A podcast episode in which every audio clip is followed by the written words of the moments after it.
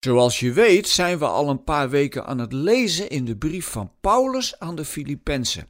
En het gedeelte dat ik vandaag met je wil bespreken is iets dat best wel flink binnen kan komen. Het gaat namelijk over prestaties.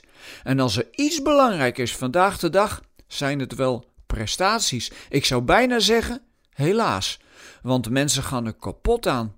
Het lijkt wel of je, als je niet zo goed presteert, een minder mens bent dan een ander. Jammer is dat, want Paulus heeft een totaal andere boodschap voor ons.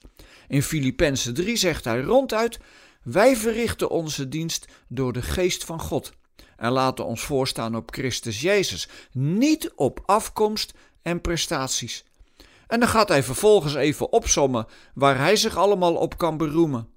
Maar aan het eind roept hij er achteraan dat voor hem het leven totaal anders is geworden sinds hij Jezus heeft ontmoet dat al zijn prestaties hem gestolen kunnen worden en dat hij er alleen maar naar verlangt om door zijn geloof in Christus iemand te mogen zijn. Dat is wel een hele radicale opmerking en ook erg fundamenteel. Paulus ziet de zin van zijn leven alleen maar in de relatie met God. Natuurlijk zijn al zijn capaciteiten hem goed van pas gekomen in zijn leven, maar als het erom draait wat echt blijvend voor hem is, noemt hij het zelfs troep. Blijkbaar legt God hele andere normen aan dan mensen. Wij denken al snel dat iemand die het gemaakt heeft ook echt belangrijk is. Maar God vraagt aan zo iemand: Wat doe je met mijn liefde? Vraagt hij ook aan ons: Is een gospelzanger die miljoenen platen heeft verkocht wereldwijd, is die in Gods ogen meer dan iemand die op de vuilnisbelt van een stad in India woont en geen kant op kan? Nee, dus.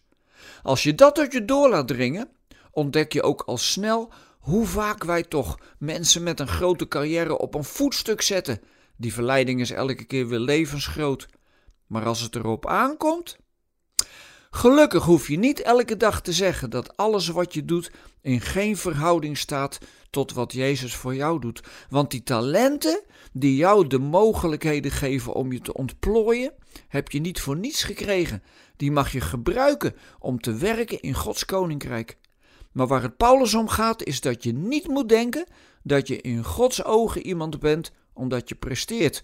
Dat je als het ware tegen God kunt zeggen: U moet wel van mij houden, want moet u eens kijken wat ik allemaal doe. God is totaal niet gevoelig voor je cv met prestaties.